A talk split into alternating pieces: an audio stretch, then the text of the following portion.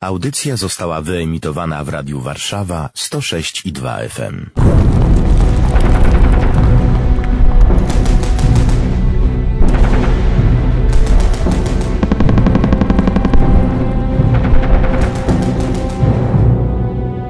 Warszawa pamięta!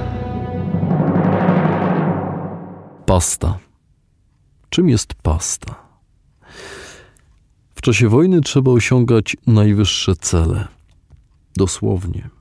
Wieżowce, kościelne wieże, każdy dogodny punkt orientacyjny i gniazdo snajperskie. Nie bez przyczyny już na początku powstania Polacy zajęli Prudencjal przy placu Napoleona, dzisiejszym placu powstańców Warszawy. Na nim od razu zawisła biało-czerwona flaga. Od 2 sierpnia powstańcy próbowali zdobyć inny wieżowiec, bardzo blisko położony, przy ulicy Zielnej, starszy od Prudencjalu, właśnie Pastę. Pierwszy budynek w Warszawie uznawany za nowoczesny wieżowiec. Wzniesiony w 1908 roku w miejscu wcześniejszej dwupiętrowej kamieniczki przy ulicy Zielnej. Pierwotnie gmach pełnił funkcję siedziby szwedzkiego Towarzystwa Telefonów Cedergren, które w 1900 roku wygrało przetarg na rozbudowę warszawskiej sieci telefonicznej. W momencie powstania budynek był najwyższą budowlą nie tylko w Warszawie, ale w całym Imperium Rosyjskim, bo Warszawa była pod zaborem. Po wygaśnięciu koncesji w okresie międzywojennym budynek przejęła Polska Akcyjna Spółka Telefoniczna, w skrócie PAST. No ale warszawiacy mówili pasta i stąd pasta właśnie. 18 dni potrzebowali powstańcy na zdobycie silnie bronionego przez Niemców budynku. 20 sierpnia dopięli swego. I wtedy zarysowała się wyraźna różnica. Polacy byli z jednego świata, Niemcy byli z innego świata.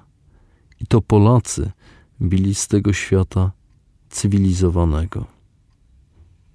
Zwracam się do doktora Bartosza Łukaszewskiego, socjologa, badacza powstania warszawskiego. Panie doktorze, o paście, zdobyciu pasty i tym wszystkim, co się wydarzyło na linii Polacy-Niemcy, później chciałbym porozmawiać nie tylko dzisiaj.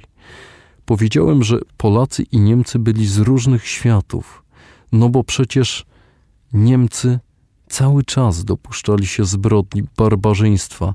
I teraz, kiedy Polacy wyprowadzali tych Niemców z budynku wieżowca, mieli okazję do zemsty, mogli zrobić z nimi po prostu wszystko, ale zachowali się honorowo. Szczególnie że jak podkreślają powstańcy, którzy prowadzili jeńców z budynku pasty, wyglądali oni w sposób żałosny. Byli czarni od dymu, marnie się prezentowali.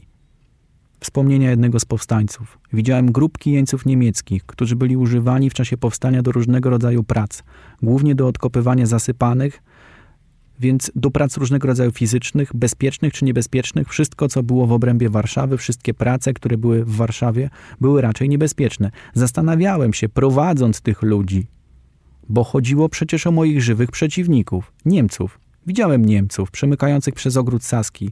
Takiego Niemca na wprost mnie raczej nie widywałem. Widziałem trupy niemieckie na ulicy Królewskiej. Oko w oko z Niemcem w walce nie stanąłem. Rzucałem granatami w stronę Niemców w porze nocnej, kiedy byłem na czujce. Nie widziałem też tych Niemców. Widziałem ogień z lufy karabinu, natomiast nie widziałem Niemców jako takich żywych przede mną. Dopiero kiedy prowadziliśmy ich z pasty.